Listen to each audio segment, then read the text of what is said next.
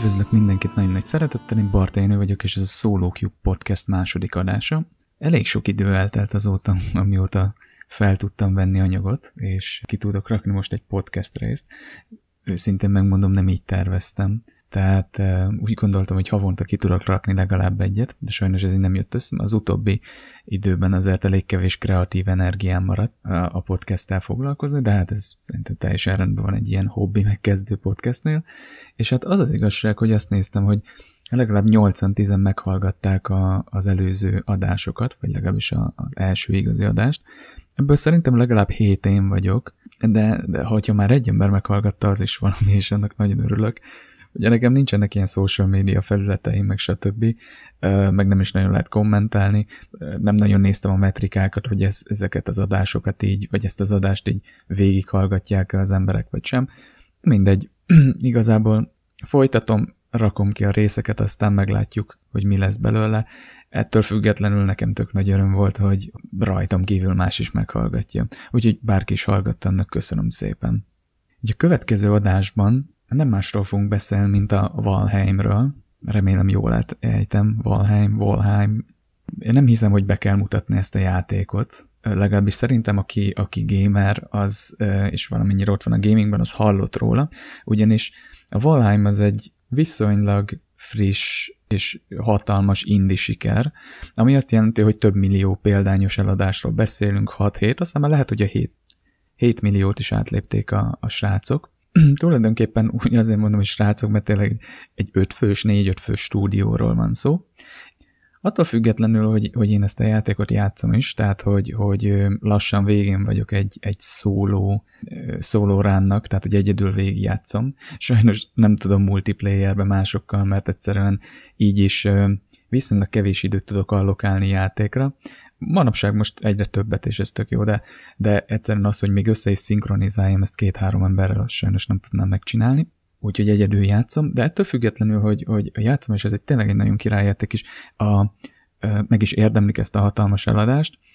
Ettől függetlenül arról szerettem volna beszélni, vagy arról szeretnék beszélni ebben az adásban, hogy konkrétan játék design szempontból miért is annyira kiemelkedő ez a produktum, tehát miért kiemelkedő ez a játék, mint termék olyan, miért fogja meg ennyire az embereket, hiszen lehet olyan érveket felhozni, hogy mondjuk vikingek azok, azok tovább, tehát hogy a vikingek azok menők, de hát arról van mondjuk a új Assassin's Creed, vagy, vagy vannak még egy csomó játékok, vagy hogy hú, ez a survival, amúgy menő főleg így a Covid-nál, meg hogy be vannak zárva az emberek, hogy eltöltsék az idejüket, de ez igazából ezek annyira, annyira általános érvei annak, hogy miért sikeres ez a játék, hogy ezekre ugyannyira nem lehet ráfogni.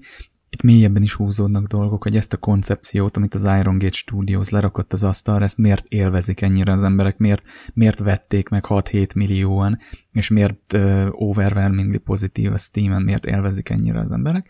És erről szeretnék egy kicsit beszélgetni, meg általánosságban a, a, a terméktervezésről, mint olyan, hogy hogyan kapcsolódik ez a játékokhoz, mert egyébként hogyha a terméktervezésről van szó, akkor tudnak az emberek egy ilyen komoly mérnöki munkát gondolni, ami ugye így is van, tehát a terméktervezés ez egy komoly mérnöki folyamat, viszont amikor valaki kimondja azt, hogy designer, vagy főleg az, hogy játékdesigner, akkor teljesen tévútra tudnak az emberek tévedni, úgyhogy szeretnék ebbe a, ebbe a, a, a szénába, ebbe a szférába is egy kicsit ilyen belepillantást adni, hogy egyébként mik azok a, mik azok a helytelen prekoncepciók, amit az emberek gondolnak a játék designerekről, és egyébként e, ez a komoly, egyébként komoly folyamat, hogy tud kikristályosodni egy ilyen tény, nagyon ö, sikeres és tényleg jó termékké, mint ami egyébként a Valheim.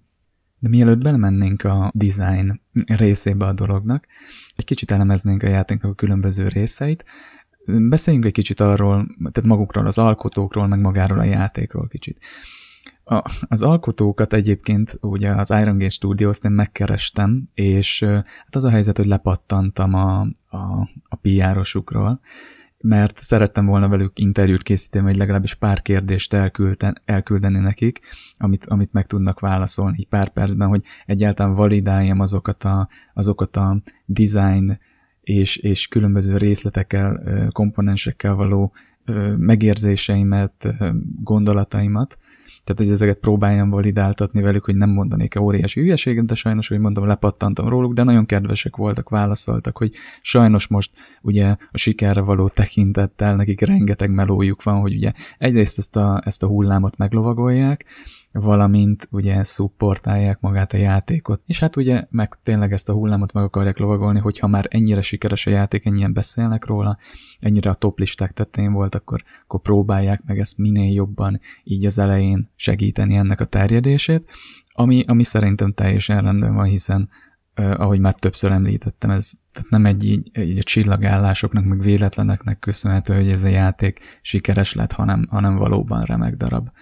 Szóval magáról a stúdióról nem sokat tudtam kideríteni, mert azért lettek volna ilyen jellegű kérdéseim. Annyit tudok, hogy kevesen vannak, tehát nem, nem egy, nem egy 10-20-30 fős stúdióról beszélünk, hanem azt hiszem öten vannak, mindennel együtt, tehát a fejlesztőkkel, grafikusokkal, ugye PR-ral együtt, de nyilván ez bővülni fog, mert azért pénzük is elég sok lett, és nyilván a, a, a szeretnének fejlődni, és hát ugye a bővülés ez egy, ez egy nagyon, nagyon jó módszer erre, hogy, hogy tovább tudják növelni a termelékenységüket, stb. És, és nyilván, hogy jobb terméket tudják létrehozni.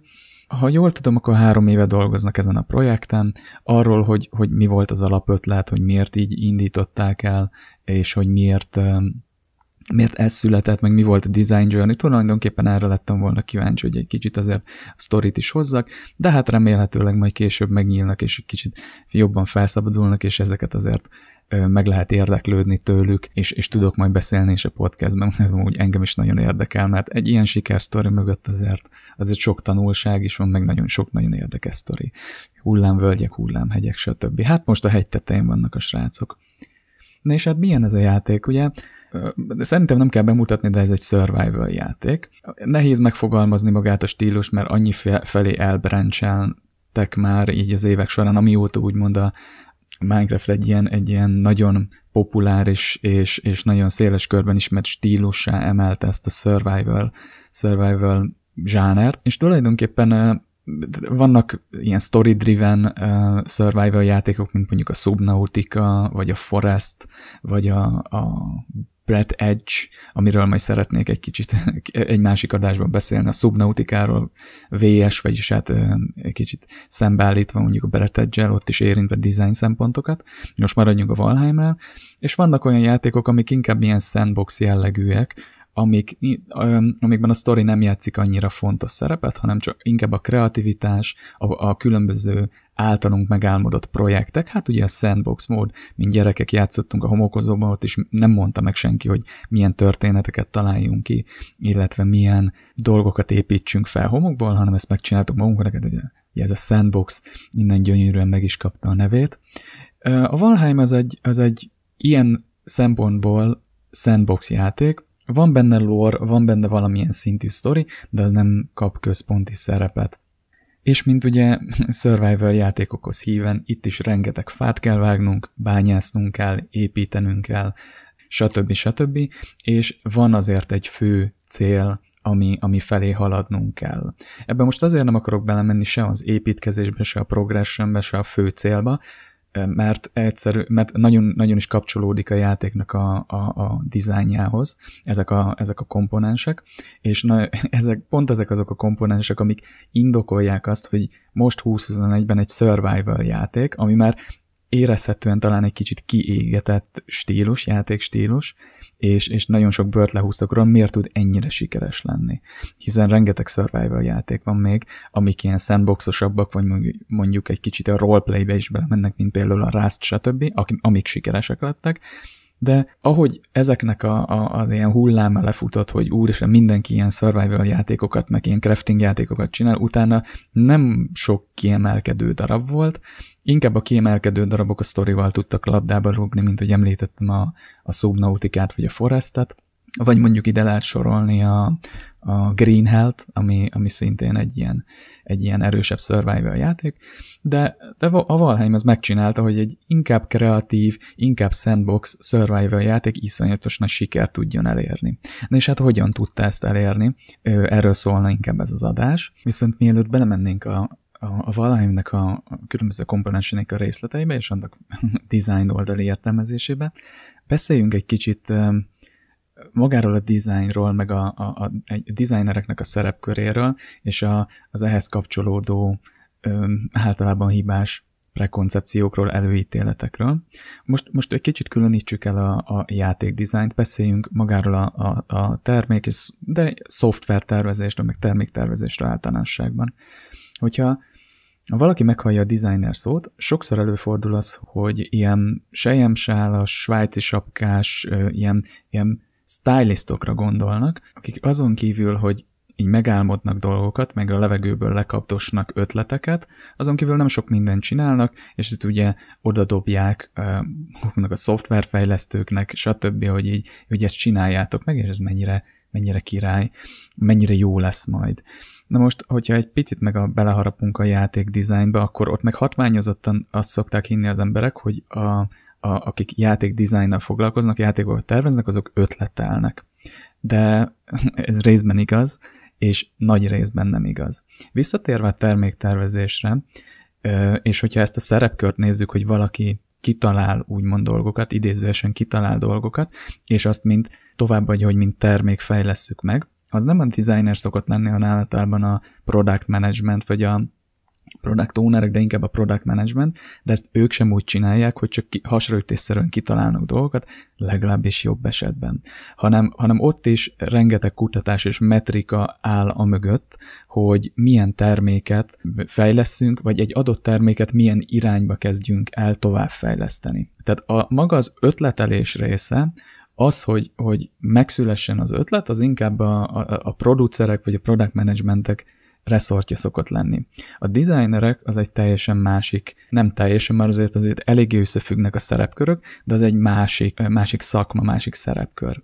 Designerek azok, akik, akik ezeket az ötleteket kibontják, de nem csak olyan szempontból, hogy ezeket az ötleteket, vagy az ötletet magát, az elképzelést specifikálják, tehát specifikációkban megvalósítható lépésekbe, blueprintek, blueprintekbe öntik, hanem konkrétan a magát a hipotézist, ami maga az ötlet, abban is már részt vesznek annak a végiggondolásában, és a, a hipotézisnek úgymond a challenge tehát abban, hogy egyáltalán ez, a, ez az ötlet, ez a termék maga megvalósíthatóság, meg egyébként egyáltalán képvisele értéket, és az érték itt egy nagyon fontos, nagyon fontos szó, és egy nagyon fontos dolog.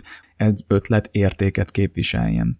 Tehát amikor a designerek elkezdenek dolgozni, először mindenképpen óriásira kinyitnak egy ollót, úgymond, ami olló itt nem azt jelenti, hogy, hogy vágnak, tehát hatalmas vágások, hanem kinyitnak egy, egy ollót, egy ilyen, egy ilyen perspektívát, és elkezdenek felfedezni, interjúzni, megpróbálják validálni az ötletet.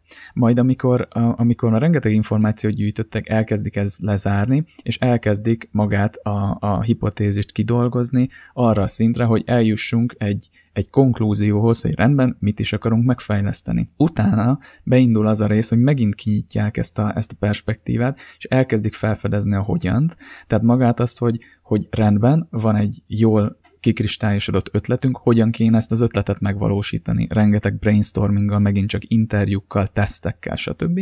És utána elkezdik ezt megint összezárni, kiválasztani úgymond a, a, validálásokból és a, és, és a tapasztalatokból, adatokból legjobb ötletet. Tehát tulajdonképpen erről van szó, hogy így ebben a két ütemben megpróbálják megtalálni a legjobb ötletet, és a legjobb megvalósítási formát. És ez természetesen, ez a, a design az egy nagyon erős csapatmunka, és rengeteg nézőpontot igényel, és ami még ennél is fontosabb, rengeteg-rengeteg tesztelést, és rengeteg kidobott ötletet.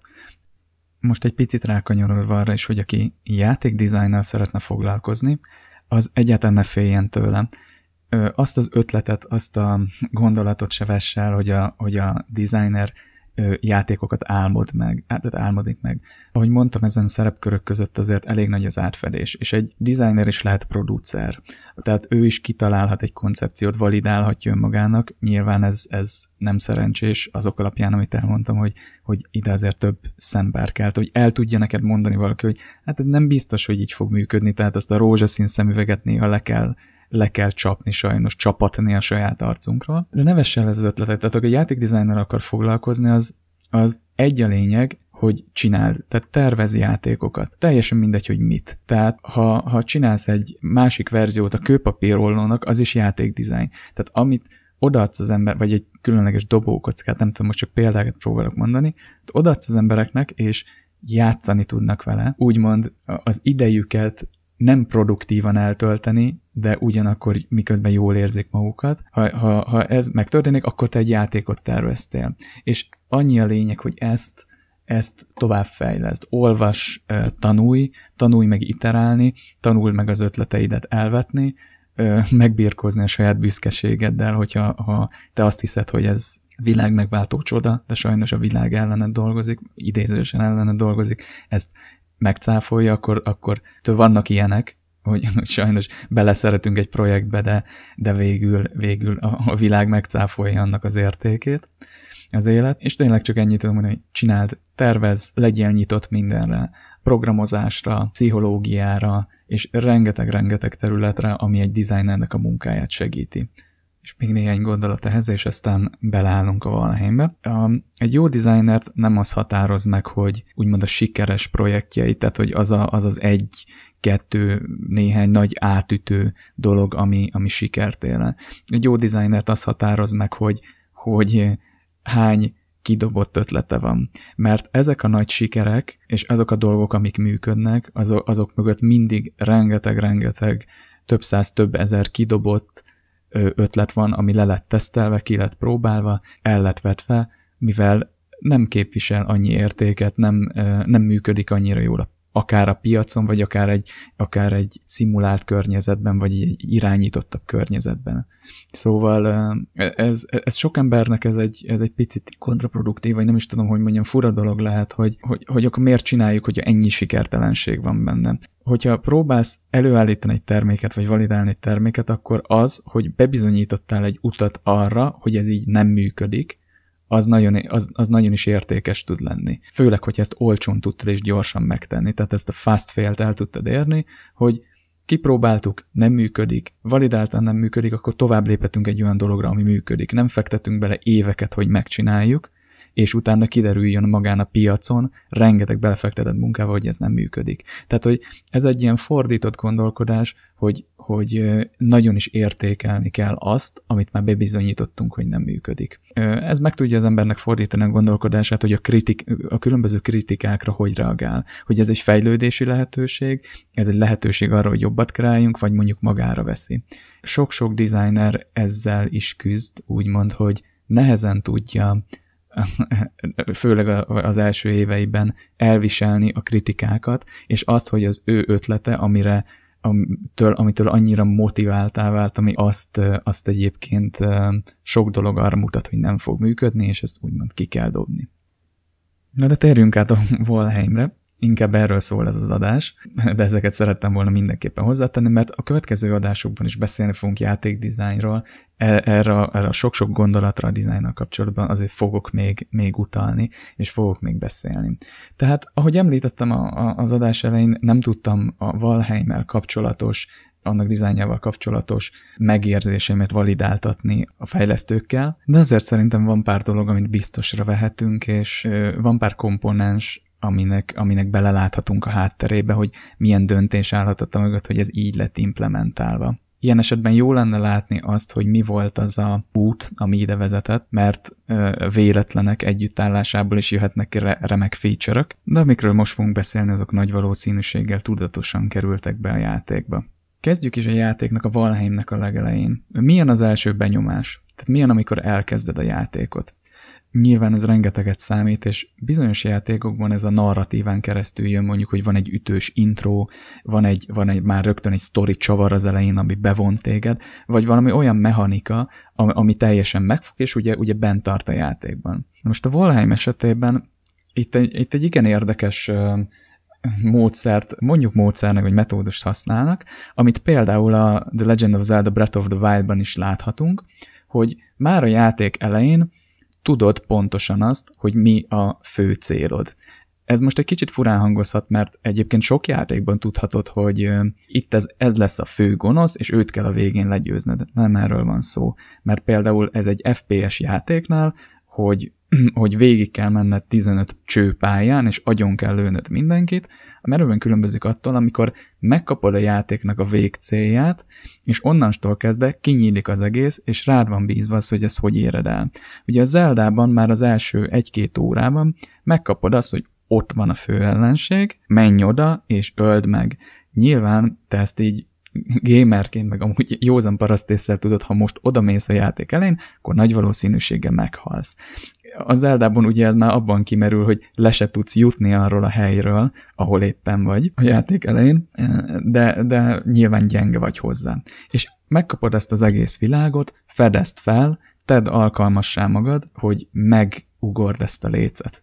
És ez egy iszonyatosan erős motiváció már a játéknak az elején, hogy pontosan tudod, mit kell csinálni, de még nem tudod hogyan. És az a felfedezés, ösztön, ami bennünk van, az a kíváncsiság, az egy nagyon erős hajtóerő. És a Valheim esetében ez úgy működik, vagy úgy történik, hogy ledobnak egy, egy ilyen szentélynél, és ott van öt darab, hát ilyen obeliszkek, amin rajta van öt bossnak, öt főellenségnek a piktogramja. És rajta van öt darab kampó, akazd ide a fejüket, és akkor mehetsz a Valhallába. Ennyi, nem kell több. És el vagy engedve a világba. Találd meg őket, nyírt ki őket, az a te dolgod, hogy hogyan. És ö, nekem ez volt az első dolog, ami nagyon megfogott a Valheimben, hogy nincsen a szádba rágva az, nem vagy egy sínre felültetve, hogy menj el A-ból B-be, és annyi a feladatod mondjuk, hogy lőj agyon valamit, hanem a te kreativitásodra, te tempódra, tehát rád van bízva az, hogy ezt hogyan valósítod meg ezt a célt. Ezért például a, a Zelda Breath of the Wild az egyik kedvenc játékom, mint mondjuk sok más embernek, de ott például ez, ez iszonyatosan ö, jól van reprezentálva, és egyébként a Valheimben is, attól függetlenül, hogy a Valheimben nincs annyi narratíva, meg, ö, meg azért egy, egy, egy lényegesen különböző játék. Attól függetlenül, hogy mennyire sandbox és mennyi lehetőséget van a Valheimben, még mindig egy sokkal kevesebb lehetőséggel kecsegtető játék, mint mondjuk a Zelda. Na de nem is akarom az Zelda irányába elvinni, de még fogok rá reflektálni. Tehát megkaptuk, megkaptuk az első impulzust. Ez a feladatunk, öljük meg ezeket a bosszokat, és ezeket hogyan tesszük. Ugye, ha valaki valamennyire ismeri már a survival játékokat, akkor nagyjából tudja, hogy Minecraft alapokon indul a dolog, azaz elkezdünk valahogy nyersanyagot gyűjteni, csináljuk az első eszközeinket, az első eszközökből megcsináljuk a kis bázisunkat, elkezdjük fejleszteni az eszközeinket, és a fejlesztett eszközeinkkel magasabb technológiához fogunk hozzáférni, és ezáltal tudunk eljutni a célokhoz. A Valheimben sincs ez másképp. Viszont amikor a, amikor a játékot elindítod, vagy elindulsz, és elkezded összeszedni a cuccokat, és elkezdesz craftolni, akkor bejön a képbe egy másik nagyon érdekes rendszer, amit meg mondjuk a korai Elder, hát nem annyira korai Elder Scrolls játékokban, mint mondjuk a Arena, meg régi Elder Scrolls játékokban látta, hanem mondjuk a Morrowindbe vagy az Oblivionba, de akár mondjuk a Skyrimbe is, ami annyira nem korai. Egy olyan rendszer jön be a képbe, hogy a karakterednek gyakorlatilag minden akciójával valamilyen irányba fejlőd. Ez azt jelenti, hogyha például lenyomod a shiftet és elkezdesz futni, akkor elkezd a futási skilled fejlődni. Ez, ez bagatelnek tűnik, de főleg a játék elején, amikor még a karaktered úgymond gyenge és semmi skillje nincsen, ezek az kis üzenetek, hogy harmadik szintű futás, ötödik szintű favágás, ezek annyira meg tudják dobni a, ezt a progression, ezt a fejlődés, haladás érzetét a játéknak, hogy ez valami elképesztő, és ez később, amikor iszonyatosan ritka lesz, hogy hirtelen, már el is felejtett, hogy van ez a rendszer, és akkor csak beugrik, hogy 55-ös a, a, a futásod. Jó érzéssel tud eltölteni. És ezek a feature-ök, vagy ezek a fejlődési területek a játékban nem üresek. Tehát a karaktered tényleg gyorsabban fog futni, magasabbra fog ugrani, kevesebb staminát fog ö, emészteni. Tehát ezeket a játék elején még érdemes úgymond ö, tudatosan fejleszteni, hogy csak ugrálsz a karaktereddel, mert nagyon sokat tud jelenteni. Később kevésbé, de a játék elején nagyon sokat tud jelenteni.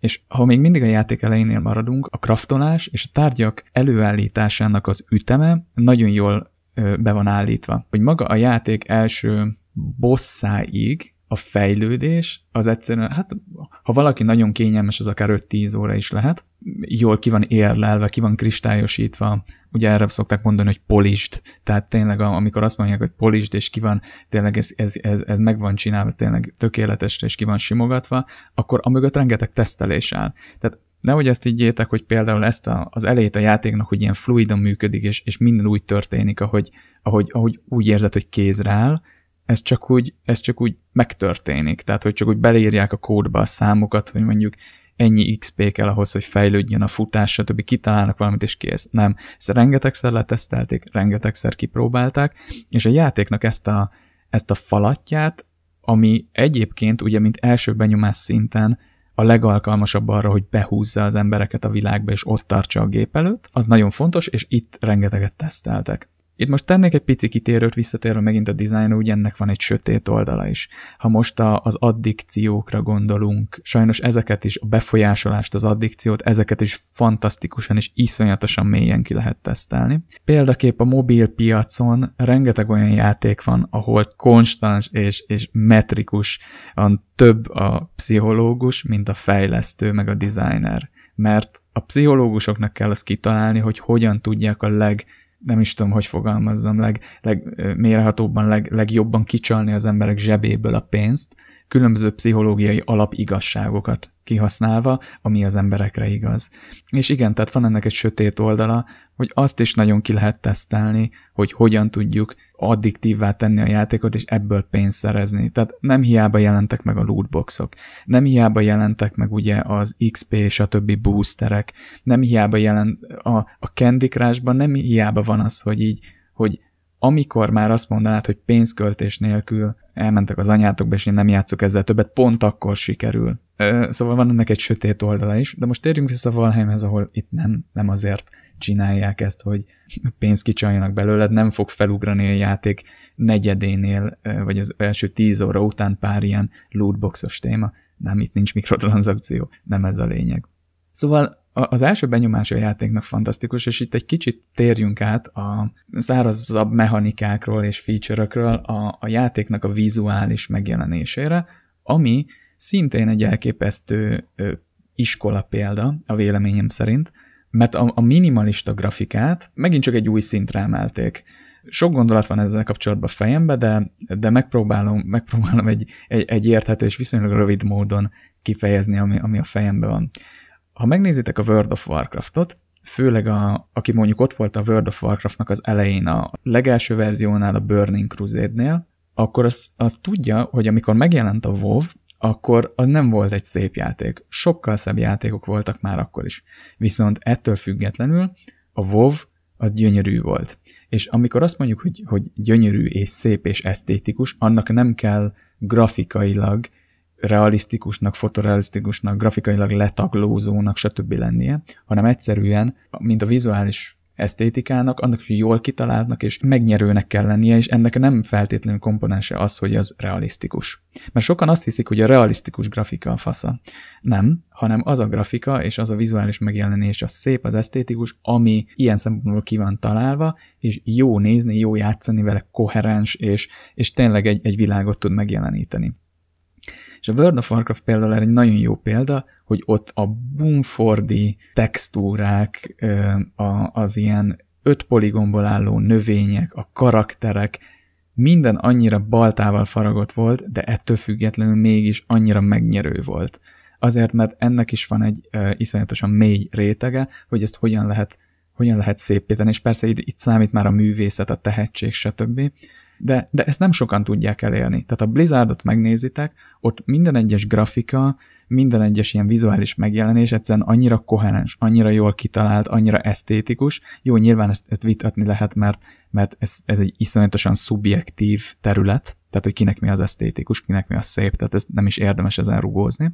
De azt, hogy koherens, azt, hogy nem zavaró a szemnek, hanem éppen ellenkezőleg kellemes, azt úgy, azt úgy el lehet fogadni.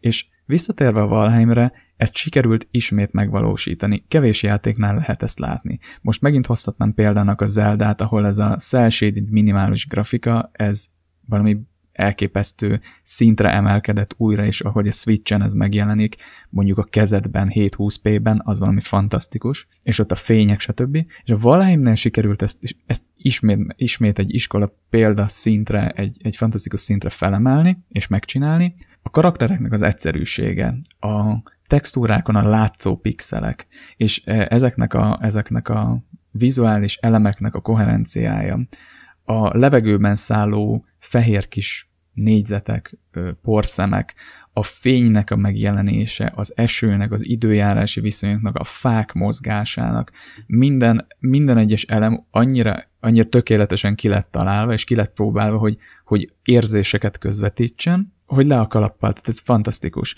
Utoljára időjárási effektusoknál akkor kicsit gicsesen fog hangzani, de éreztem azt, hogy mit tudom én, érzek, hogy, hogy, hogy fázom egy kicsit az esőtől, vagy a széltől, vagy hogy át beleélem magamba a környezetbe. Utoljára a Witcher 3-nál láttam, amikor uh, Rócsnak a hátán mész a, a határba, szól ez a zseniális Witcher zene, és egyszerűen így düledeznek a fák, fújja őket a szél, ugyanez volt a Zeldába is, és, és ezt a Valheimnél is megcsinálták. Tehát azt, azt szerintem senki sem tudja vitatni, aki szereti ezt a játékot, hogy, hogy elképesztően immerzív, nagyon be tud szippantani a környezet. És emögött iszonyatosan sok munka van. Nem azt mondom, hogy fotorealisztikus grafikát, meg realisztikus grafikát mindenki tud csinálni, szó sincs erről nagyon nehéz, és, és az is egy külön szakma és külön réteg, de kevésből kihozni, tehát a minimálisból kihozni sokat, az egy még nehezebb ipar mert akik valtával felagott minimalista asszetekből tudnak kihozni egy téged érzelmekkel feltöltő és érzésekkel teli, nem is tudom, hogy fogalmazzam, tehát egyszerűen immerzív világot, na az egy, az egy nagyon nagy feladat. És a Valheim ezt remekül meg tudta csinálni.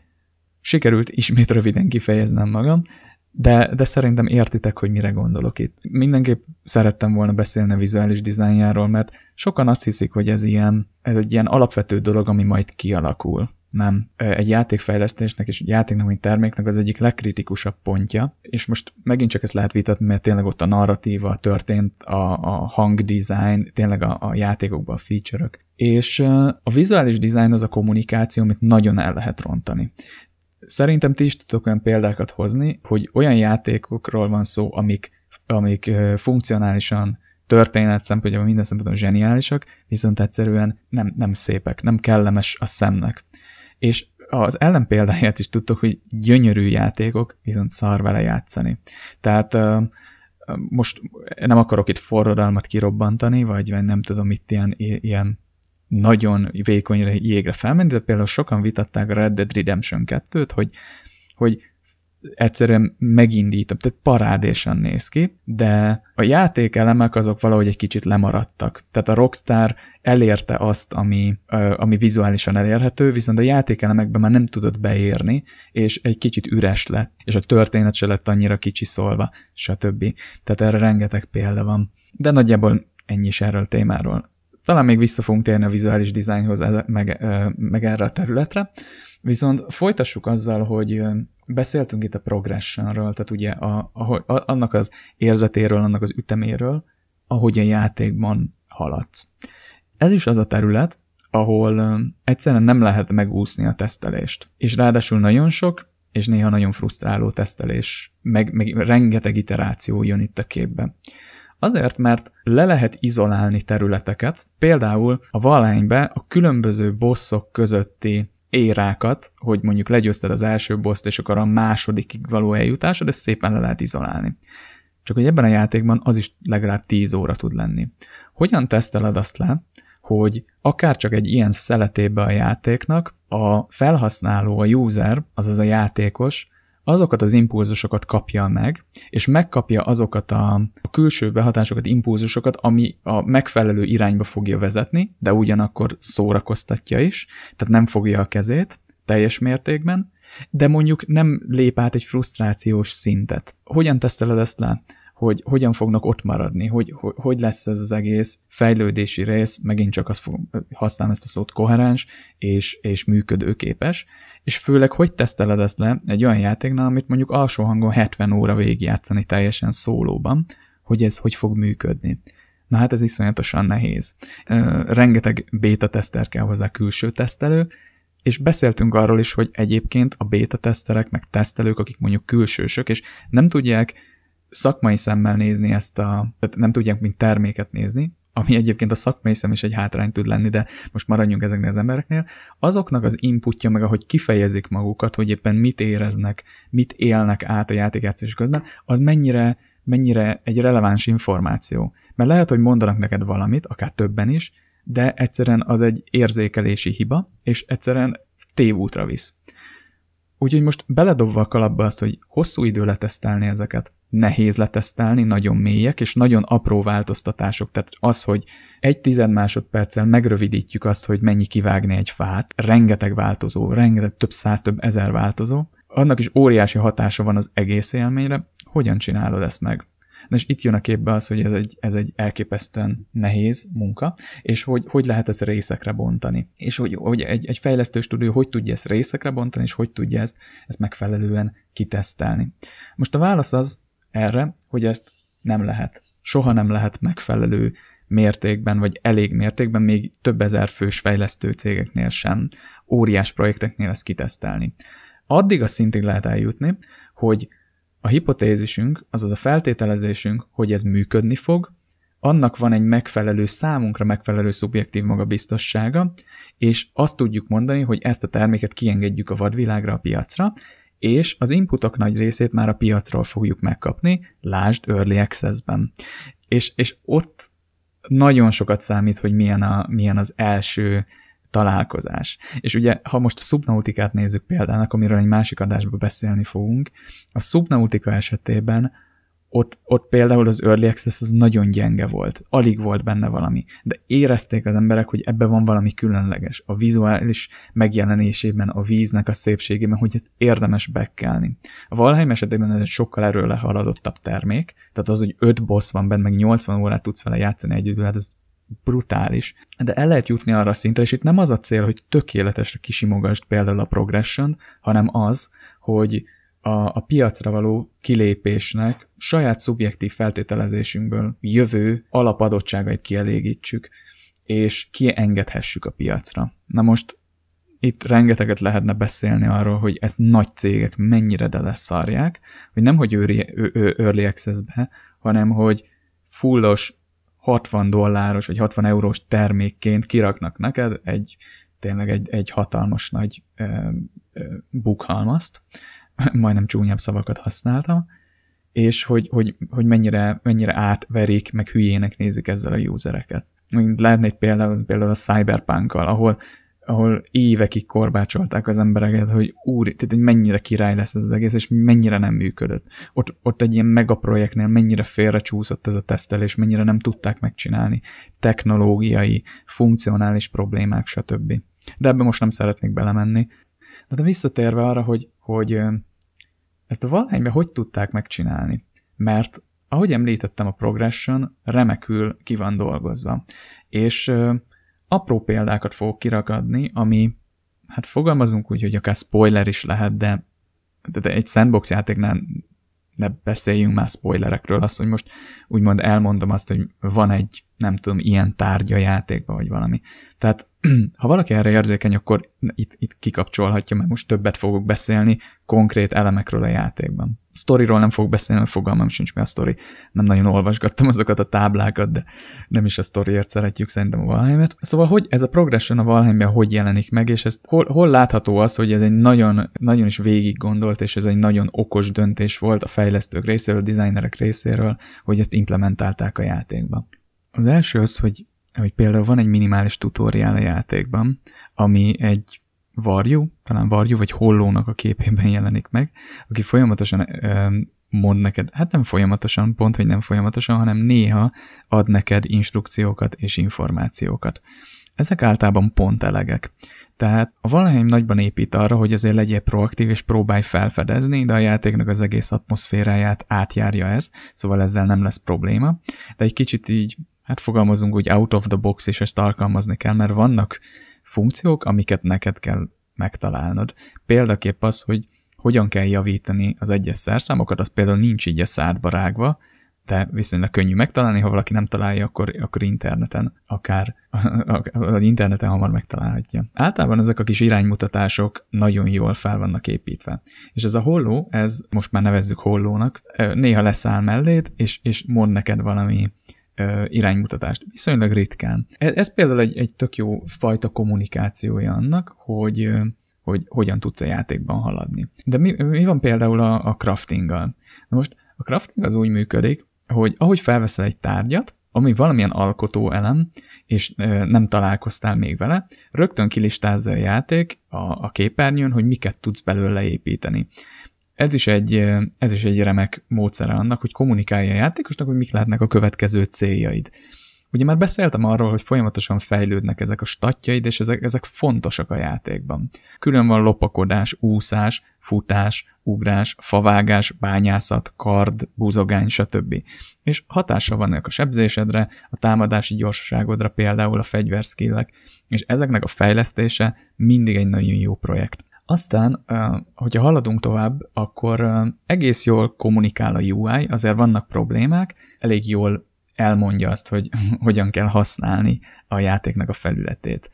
Van egy-két dolog, amit nem találtam meg, és nekem is rá kellett keresnem interneten, de ez, ez így rendben van. Aztán a, a tárgyak, vagy amiket kikraftolsz használati eszközöknek a, a durability ugye az élettartama, az, az jól ki van balanszolva. Tehát nem tartanak örökké, de nem idegesítően rövid ideig tartanak, és a workbench, ahol ugye a, a craftolod a tárgyak nagy részét, és ugye az, ott azt kell is ahhoz, hogy tudj craftolni, ott például egy gomnyomásra meg lehet javítani. Jó, több gomnyomást, de egy gomnyomás egy javítást jelent, meg tudod javítani a cuccaidat, amiért érdekes módon a játék nem kér semmilyen alapanyagot. Tehát tegyük fel, hogy majd lesz egy fame cardod, egy másik játékban arra számíthatná, hogy megkraftolod mondjuk 20 vasért, de is megjavítani mondjuk három vas. Vagy, vagy annak, annak függően, hogy mennyire amortizáltad le. Nem. Itt ingyen javítasz mindent. És ez nagyon fontos a játékban, mert úgy gondolom, hogy a fejlesztők ezt direkt így csinálták, hogy a nyersanyagokat ne arra csezd el, hogy javítsd az eszközeidet, hanem inkább a, a haladásodhoz járuljon hozzá, tehát a eszközöknek a megalkotásához, kraftolásához és a fejlesztéséhez. Plusz lehet, hogy ez egy későbbi döntés volt már, hogy, hogy a javítást így kezeljék, mivel azért az eszközöknek, meg a különböző fejlesztéseknek az anyagköltsége nem kicsi, és ha még arra is kéne költened, hogy hogy javítsd ezeket az eszközöket, nyersanyagokat, az iszonyatosan megnehezítené a játékot. Szerintem ez egy, ez, egy, ez egy remek döntés volt, hogy így kezelték, drágák a cuccok, drágák őket fejleszteni, de ugyanakkor ingyen lehet őket javítani. Jöhetne a kérdés, hogy akkor miért romlanak egyáltalán. Na az meg egy másik, másik kérdés, hogy a Valheimben rengeteg dolgot meg kell tervezni. Az utazásokat benne, a a különböző kis műveleteidet, hogy most ezt a dungeon-t kifosztod, vagy ide elmész fát vágni, vagy ilyesmi. Ennyire azért nem részletesen, de, de azért sok mindent meg kell benne tervezni, mert egy, meghalsz. Kettő, ha nem leszel felkészülve magára erre a műveletre, tehát se cuccokban, meg, meg, meg mondjuk tárgyakban, akkor, akkor ott meg fogsz ütni egy, egy, egy izé, téglafalat, tehát ott, ott gond lesz. És ugyanez van a tárgyaknak az állapotával, és hogy tisztában kell lenned vele, hogy mennyi fát tudsz kivágni az adott fejszéddel, mennyi uh, nyersanyagot tudsz kibányászni a csákányoddal, hogy igenis vissza kell majd jutnod a bázisra, hogy megjavítsd ezeket az eszközeket, vagy ott helyszínen ki kell alakítani egy kis bázist, hogy ezek javítva legyenek. Ez a játék haladásával ez egyre nehezebb lesz, de a, majd beszélni fogunk más eszközökről, funkciókról is, amik segítik ezt, ennek a megkönnyítését. Persze azokat el kell érni. De ha már érintettük a játéknak a nehézségét, beszéljünk egy kicsit arról, hogy mennyire nehéz is a Valheim. Szubjektív fogalom a nehézség, mert van akinek könnyebb, valakinek nagyon nehéz, de nem egy könnyű játék. Tervezni kell benne, okosnak kell lenni, mert egyébként meghalsz. A szörnyek benne erősek, nagyot ütnek, sok az életük, és, és főleg a játék elején, de majd később is, tehát például, hogyha már nem tudom, mondjuk a harmadik, harmadik és negyedik boss között vagy, fullosok a cuccaid a harmadik boss megölése után, és mész át a negyedik területre, ott legalább annyira vigyázni kell a seggedre, mint a játéknak az elején. Tehát minden egyes ilyen nagyobb területváltáskor, és nagyobb, tehát egy ilyen boss váltáskor, rob, rob, nagyon kell vigyázni, mert akkor az ottani viszonyokhoz képest eléggé visszagyengülsz. Nem is beszélve arról, hogyha véletlenül áttévedsz egy másik területre, amikor még semmi keresni valódott, jön az első szörny, és így, így együttésre megöl téged. A játékban nagyon fontos a tervezés, mert igen nehéz. A bázisodnak például a fejlesztése is ilyen szempontból fontos, mert a Valheimben nem az van például, mint a Minecraftban, hogy este egy kicsivel több szörny spawnol, nem, hanem a bázisodat így néha rédelik, megtámadják a szörnyek különböző csoportjai. Tehát azok a tárgyak például, amik, amik a kraftolásban úgy tudsz elképzelni, hogy valami védelmi dolog, tehát például ilyen, ilyen tüskék, amiket ki tudsz rakni a falakra, vagy ilyen erősebb falak, azoknak mind megvan a, a létjogosultsága, mert egyébként nélkülük nem fogod tudni megvédeni a bázisodat ott, ahol a legtöbb értéket tárolod. Szóval például ez is egy remekül kialakított dolog, hogy hogy Valheim fejlesztői nem csak teledobálták a kraftolható tárgyakat, vagy a megépíthető dolgokat ilyen, ilyen részben hasznos és részben haszontalan dekorációs dolgokkal, hanem gyakorlatilag minden egyes elemet végig gondoltak, hogy annak mi legyen a funkciója, és annak a funkciónak a használatára mi legyen a motiváció. Mondok néhány példát. Ugye beszéltünk itt a bázisvédelemről. A bázisvédelem tényleg nagyon fontos lesz. Amikor már jók a cuccaid, és mondjuk kifogsz egy gyengébb rédet, akkor azt úgy le tudod verni. De lesz időszak, amikor már nem akarsz ezzel nyüglődni, hanem csapdákat építesz, és azok a szörnyek meghalnak, maguktól a csapdáktól, és te majd csak szépen összeszeded a lootot utánuk. De például vannak ilyen dekorációs cuccok, például egy ilyen fali akasztó, vagy egy ilyen, ilyen, ilyen kis fali, most azt mondom mágnes, mert kicsit arra hasonlít a használata, amit nyilván fel tudsz rakni a falra, vagy bármilyen pozícióban, és oda tudsz cuppantani egy tárgyat. Például a trófeákat. Eldobott egy szörny, lekraftolsz egy ilyen, ilyen akasztót, és akkor kirakod. Viszont ezeknek az is a funkciója, hogy például eszközöket is rá tudsz rakni, és én azon kaptam magam a játékban, hogy az ajtó, a bázisom ajtaja mellé raktam egy pár ilyen akasztót, és nem kell állandóan tárolnom magamnál azokat a, az eszközöket, amik például a farm kapálására jók, hanem, hanem egyszerűen csak odarakom, felakasztom őket, és amikor kellenek, akkor lekapom őket. Lekapom, visszarakom. Tök egyszerű. Ezt meg lehetne oldani egy ládával is, de ez sokkal kreatívabb, szebben néz ki, és egyszerűen, nem tudom, még használni is egyszerűbb. És egyébként a trófák kirakásának is van értelme, most egy pici spoilert fogok mondani, mert ez nem ilyen story spoiler, csak erre, erre én magamtól jöttem rá, és, le, és nagyon meglepődtem rajta. Most akkor, ha valaki ezt nem szeretné hallani, akkor 15-20 másodpercig fogja be a fülét. A bosszoknak a trófáját, ha több, tehát ha többször megölöd a bosszokat, és a trófájukat kirakod a házadba, akkor ilyen speciális dialógokat mondanak. Tehát ezekben a trófákban még marad élet, és elkezdenek beszélni hozzád. Ez szerintem zseniális. És már csak ez is egy motiváció lehet, hogy többször öld meg a bosszokat, meg egyébként ez ennek a tájnak a használatára, hogy ezeket hald. Zseniális. És ugye most gyakorlatilag a, a motivációról beszélünk, meg a progressionről, és ö, a játék, tehát az, amikor egy játékkal jó játszani, meg bent tartja a játékosokat hosszú tíz vagy akár száz órára, ez a progression, meg ez a motiváció egy nagyon erősen kitalált, megalkotott, a fejlesztők által, a designerek által megalkotott faktor. És a Valheim ebben iszonyatosan erős. Tehát, ahogy már beszéltünk róla, a progression remekül ki van találva.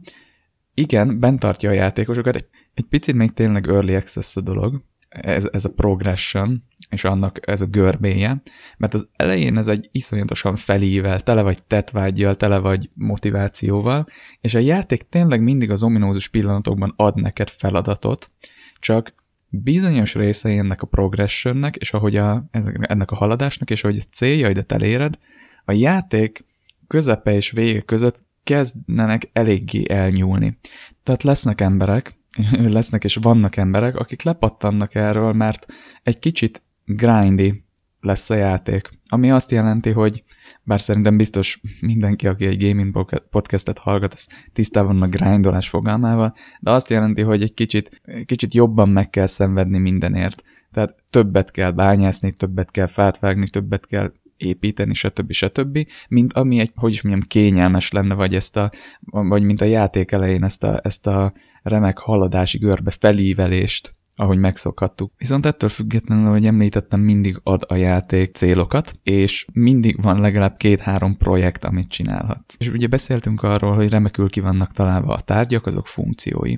De nézzünk erre még példákat. Ami szerintem az egy, egyik legjobb rendszer a játékban, és ami rám nagyon frissítően hatott, mint hogy játékmechanikai jelen, az az, ahogy kitalálták, hogy a különböző kajáknak, és különböző ételeknek az elfogyasztása, jobb és jobb ételek főzése hogyan kapcsolódjon a játékmenetet úgy, játékmenethez úgy, hogy ezt tényleg belásd, hogy erre szükség van. És mindig a fejedbe legyen, hogy legyen kajád, legyen többféle kajád, és legyen minőségi kajád. Ez, ez sok játék kínlódik ezzel, mert beleraknak 10-15 féle kaját, vagy hát rengetegféle elfogyasztható dolgot, és csak arra szolgálnak, hogy visszatölti a staminád, visszatölti az életed. Ebből születnek ezek a Skyrim-szerű inventorik, amikor tele van a, a, a zsebed, csak arra jó, hogy kidobáld őket, vagy eladd őket, meg ha játszod a Skyrim-et így az alkimiára, jó a, tehát a közepes, tehát a normál fokozatokon, az alkimiára nem nagyon van szükséged. És értem én azt, hogy, hogy például nehezebb fokozatokon, vagy mondjuk moddolva ez az alkimiára szükség van, de egy alapjátékba, amit normálon játszol, ahogy így lerakják eléd, nincs szükséged egy komplet funkcióra, mert nincs. Teljesen mindegy, Skyrimben nagyon nehéz normálon meghalni. Az a ciki. Más játékokban is ez van például, ha most a Zeldát nézzük, a Breath of the Wild-ot, amivel már sokat példáloztam, ott is az van, hogy rendben, feltölti az életed, sárga szívecskéket kapsz, tehát kihúzza az életsávodat, de valahogy ott se volt erre nagyon szükség. E, ott jobban, mint mondjuk a Skyrimben, de ott sem feltétlenül. Viszont a Valheimben ez úgy van megoldva, hogy van alapból 25 életed. Ez egy teljesen random szám, de van 25 életed. Na most különböző biomokon, különböző területeken lévő szörnyek, amikor ott startolsz, ezt a 25 életet nagyon hamar rájössz, hogy így együttésre vagy félütésre lecseszik. Tehát gyakorlatilag a játékban az alap, alap életerőd az arra jó, hogy együttésből meghalsz. Ezt nyilván lehet csökkenteni a páncélokkal, mint a bejövő sebzést, viszont ha megeszel egy málnát, amit így csak így málna bokorból leszedett málnát, amit leszedsz az erdőben, ez a 25 életerő, nem is tudom, megnő 35-re. Tök jó. Viszont ehetsz mellette egy gombát is mondjuk, amivel még jobban megnő, meg mondjuk ehetsz egy húst, amit megsütöttél. És akkor megnő ilyen 90 körülire. Fantasztikus, tehát majdnem négyszeres.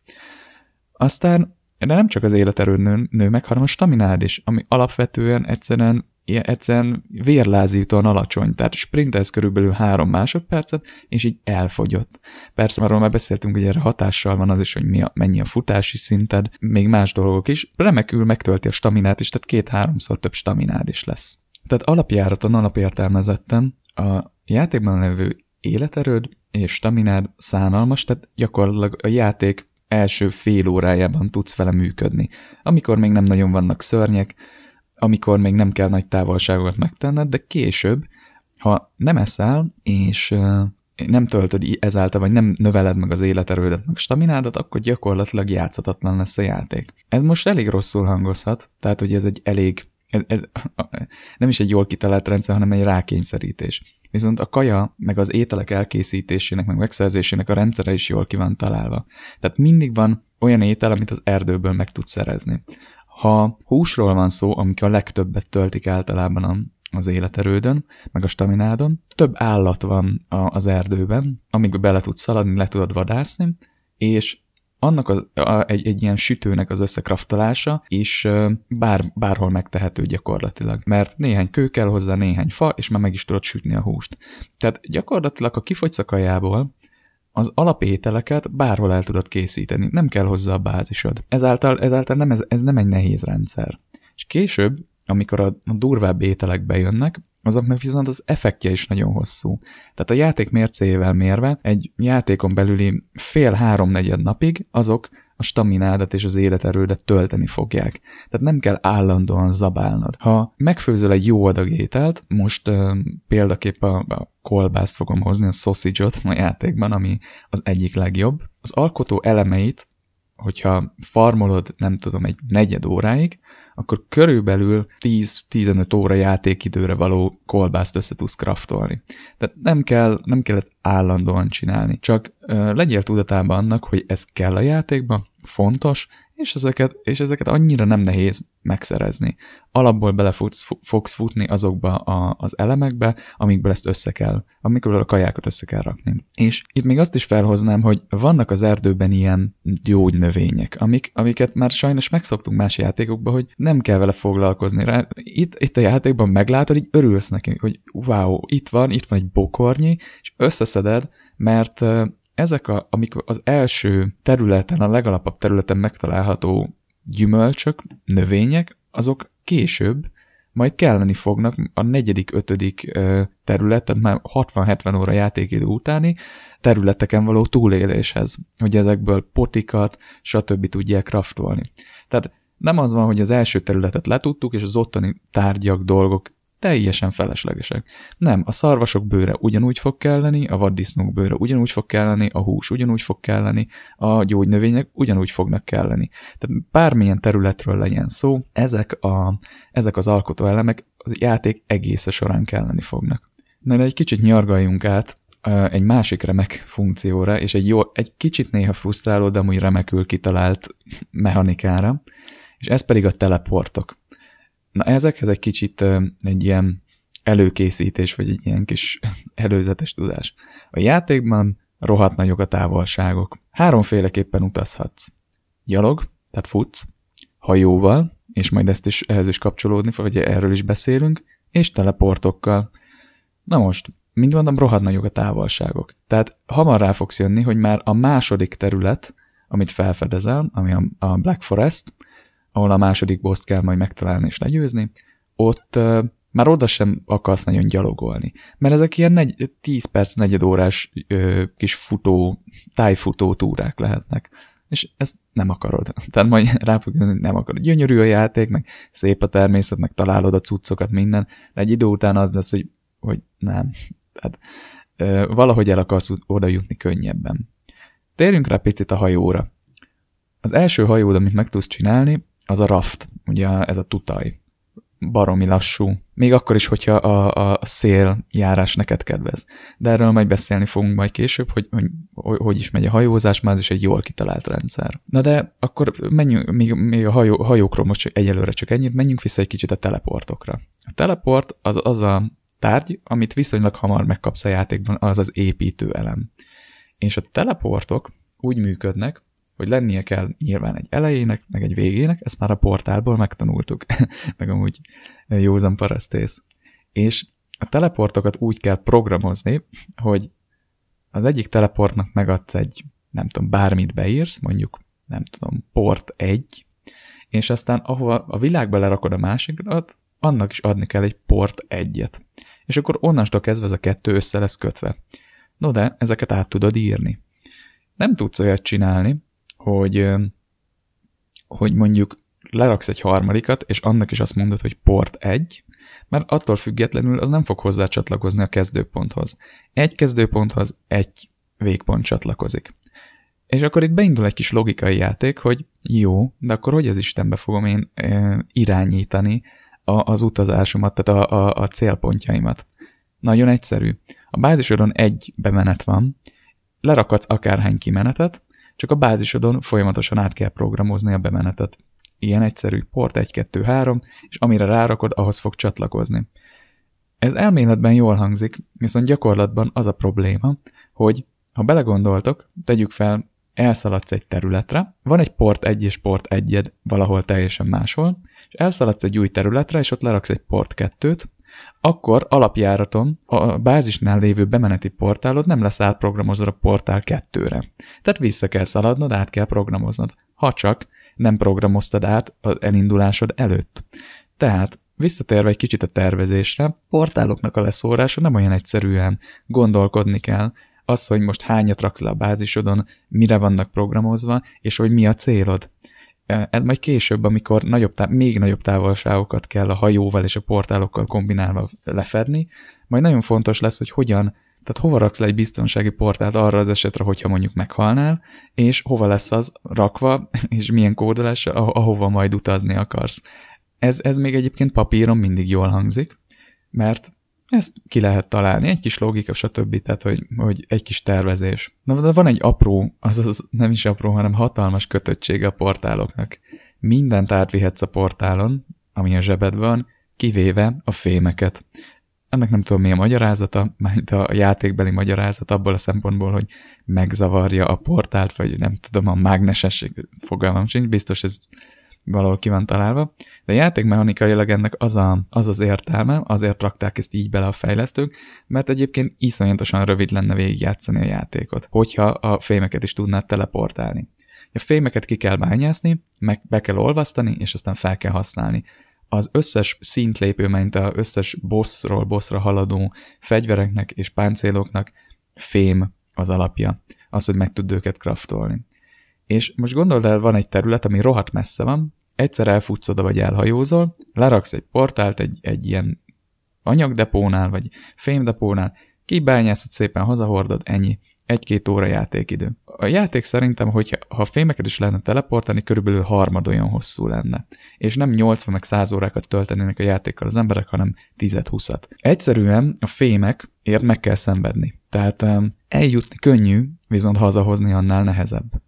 Viszont ugye a Valheimről beszélünk, ahol jól kitalált rendszerekkel próbálják megtámogatni a fejlesztők azt, hogy, hogy egyébként ez ne legyen annyira bosszantó. Ez néha nem sikerül, tehát a, az ilyen kis fémgyűjtő kalandjait során azért elég sok nehézségbe tudsz ütközni, mert azért a későbbi területek nem olyan egyszerűek, és igen sok lehetőséged van arra, hogy meghaj, de ha már oda fel tudtál szerelni egy teleportot, akkor nincs gond. És ez most egy ilyen kis disclaimer, vagy, vagy egy ilyen felszólítás, vagy egy ilyen warning, hogy mindig azzal kezdj, hogy ha egy területre átmész, felfedezni, akkor a peremére rakj egy portált. Mert ha ez egy távoli terület, és meghalsz, és nincsen teleportot, hogy hamar vissza tudj menni, akkor ö, oda megint elfutni, ami lehet, hogy nem is lehetséges, mert sziget, esetleg egy új hajót építeni, az azért nagyon nehéz, mert meg fogsz halni megint, és belekerülsz egy ilyen halálciklusba, ami azt fogja eredményezni, hogy előről kell kezdeni az egész játékot. És nem lesz kedved megint olyan úgy, tehát azt képzeld el, hogy ha meghalsz, ott hagyod az összes cuccodat.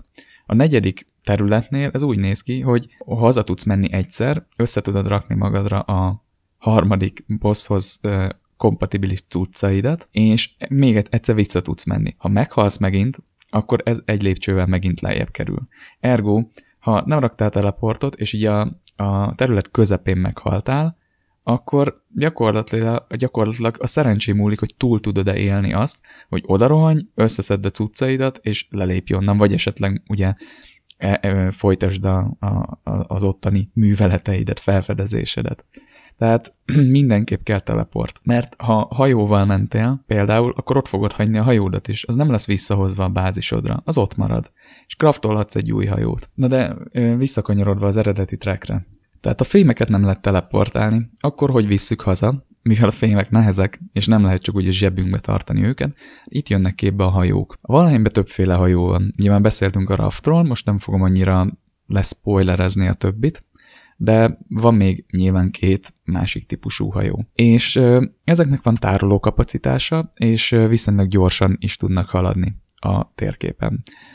Viszont eljutni A-ból B-be egy hajóval nem olyan egyszerű, hogy csak úgy ráülünk, és akkor súgy már ott is vagyunk. A hajóknál nagyon fontos a szélirány. Tehát, hogyha szembe fúj a szél, itt nem fogsz haladni, hanem át kell váltanod evező módra, ami rohadtul lassú. Meg kell várnod, amíg a szél elkezd neked megfelelő irányba fújni. Hát igazából, ha már nagyjából arra fúj, egy ilyen 180 fokos régióban, tehát nem szembe kezd el veled fújni, akkor már tudsz haladni. Az a haladás sem feltétlenül a leggyorsabb, tehát ott is azért elég hosszú túrákra kell felkészülni, és ráadásul ezek a hajók el tudnak ám akadni sok mindenben. Tehát nagyon figyelni kell azt, hogy a partot ne üsd meg, kövekre ne szaladj fel, és ez például ilyen kis tor- öböl torkolatoknál, ahogy nekem példakép a, a területem, vagy a, a világom szídje adta, ahol én kezdtem, az egy hatalmas öböl volt, a legközelebbi vízpart, és az öbölből való kiutást nekem konkrétan egy ilyen jó kis negyedórás kőbányászással kellett megoldani,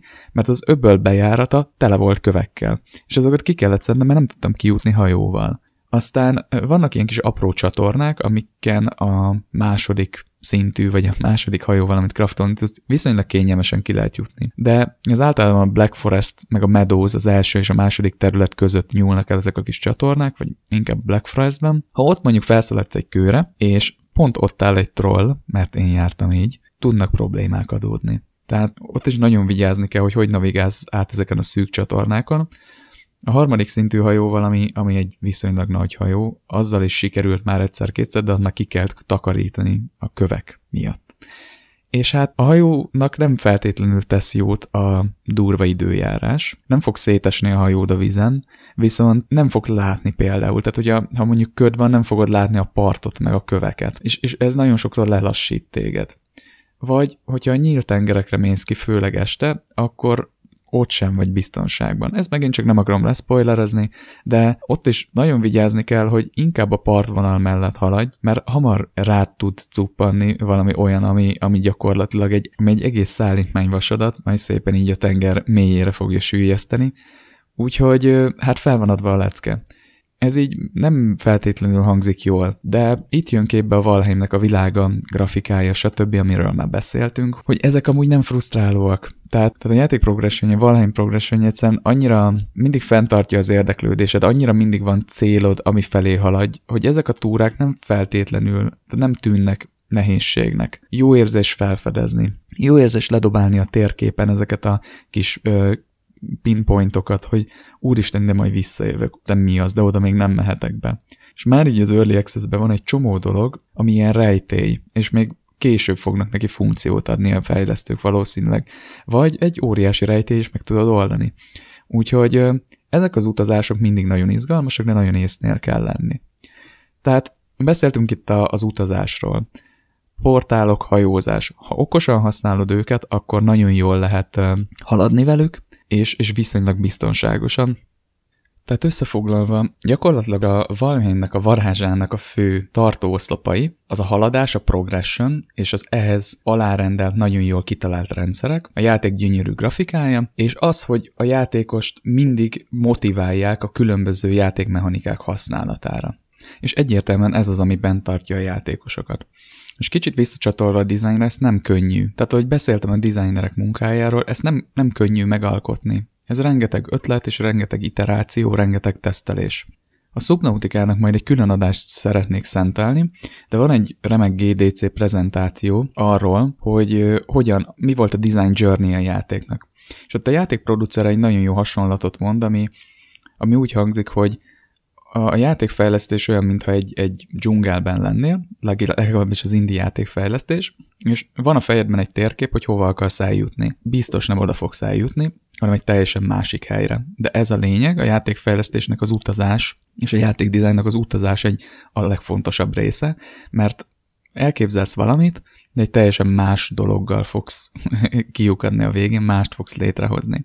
A Subnautikában erre példa az volt, hogy úgy képzelték el a játékot, hogy az alapköve az az lesz, hogy egyik alapköve az lesz, hogy te építed, legózod össze a hajókat, a tenger alatt járókat. Aki játszott a Subnautikával, tudja, hogy nem így van. Ilyen előre elkészített hajók vannak, és nem tud semmiféle ö, elemekből összeállítani hajókat. Tehát azért történt ez a váltás, hogy az alapkövet elvetették, hogy letesztelték, és észrevették azt, hogy semmiféle motivációt nem tudnak találni arra, semmiféle indokot, hogy ezt csináld. Az, hogy legyen egy nagyobb hajód, vagy legyen más az orra, vagy a hajtóműve, vagy ilyesmi, ez nagyon jól hangzik. De nem tudták megtölteni funkcióval, nem tudták megtölteni egyszerűen indokkal, hogy, hogy ezt miért kell csinálni. Nem tudtak rá mondjuk különböző szörnyeket gyártani, vagy nem tudom, hogy, hogy fejleszd a páncélodat. Tehát a, az óceánban, amiről a Subnautica szól, ez a hatalmas vízivilág, nem tudták megtalálni azokat az elemeket, amik téged arra késztetnek, arra motiválnak, hogy használd ezt a rendszert. Viszont később ugye megtalálták például a bázisépítésnek a, a motivációját, és ugye egy kis ö, betekintés majd ebben a részben, amit ugye a Brett Edge-ben nem tudtak megtalálni. Tehát játékdesign szempontból ezek nem egyszerűek. Amit a Valheimben annyira, annyira könnyen kapottnak és könnyűnek érzünk, azok mögött mind rengeteg-rengeteg munka van. Ezek, e, ezek az ötletek nem úgy születtek, hogy figyeljetek, ne, ne, legyen, ne lehessen ma vasat teleportálni. ahhoz kellett egy, kellett egy tapasztalat, hogy ez így túl könnyű. Vagy lehet, hogy teljesen más irányból született meg e, ez a döntés. Lehet, hogy egy teljesen másik tapasztalatból, de, de valami hasonlót tudok elképzelni, hogy igen, és lehetett a vasakat teleportálni, csak rájöttek arra, hogy ez így túl egyszerű. És lehet, hogy később vezették be a hajókat.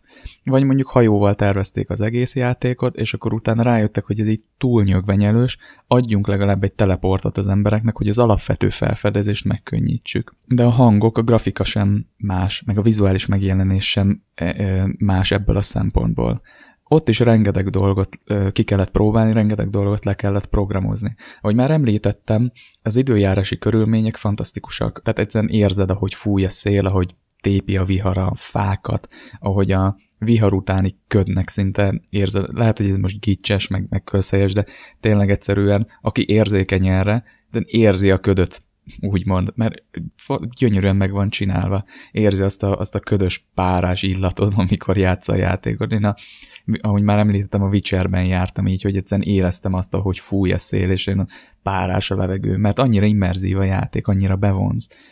És ha valaki foglalkozott már játékfejlesztéssel, vagy, vagy csak látta, hogy hogy működik ez, ezeket még nehezebb leprogramozni és, és megalkotni, mint a, a konkrét játékmechanikákat.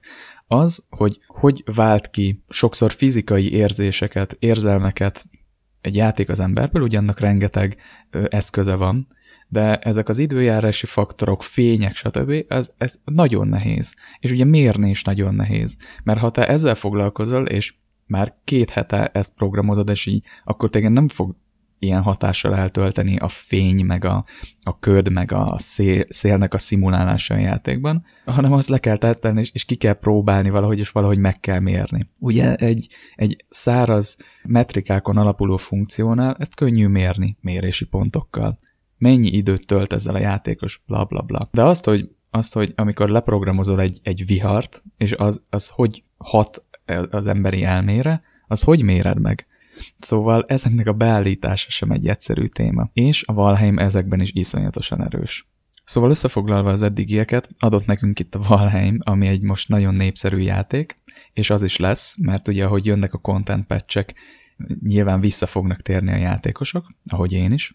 Eladták 6-7 millió példányban, és sokan egy kicsit tétlenül álltak ezelőtt, hogy egy ilyen sandbox crafting vikinges játék hogy tud ilyen sikeres lenni? Hát így, hogy az a három év, körülbelül három év munka, amit beletettek, az egy nagyon hasznosan és tudatosan kitöltött idő volt. Tehát mind vizuálisan, mind játékmechanikák szempontjából egy nagyon jól kitalált, kitesztelt játékról van szó, és ez, alap, ez az alapja a sikerének. Vannak játékok, amik jól kivannak találva, szépek, jók, még minden, de időszakosan tudnak sikeresek lenni, vagy ugye mondják, hogy ilyen one trick pony fogalmazzunk így, bár nem, nem a legjobb megfogalmazás erre, hogy ütnek egyet, de utána elfelejtik őket az emberek, mert egyszerűen, egyszerűen hoznak valamit, de az egy, max. két dolog, és abban, a, abban az időszakban, abban a fázisában a játékiparnak ez egy ütős dolog. A Valheim úgy gondolom, hogy nem ilyen.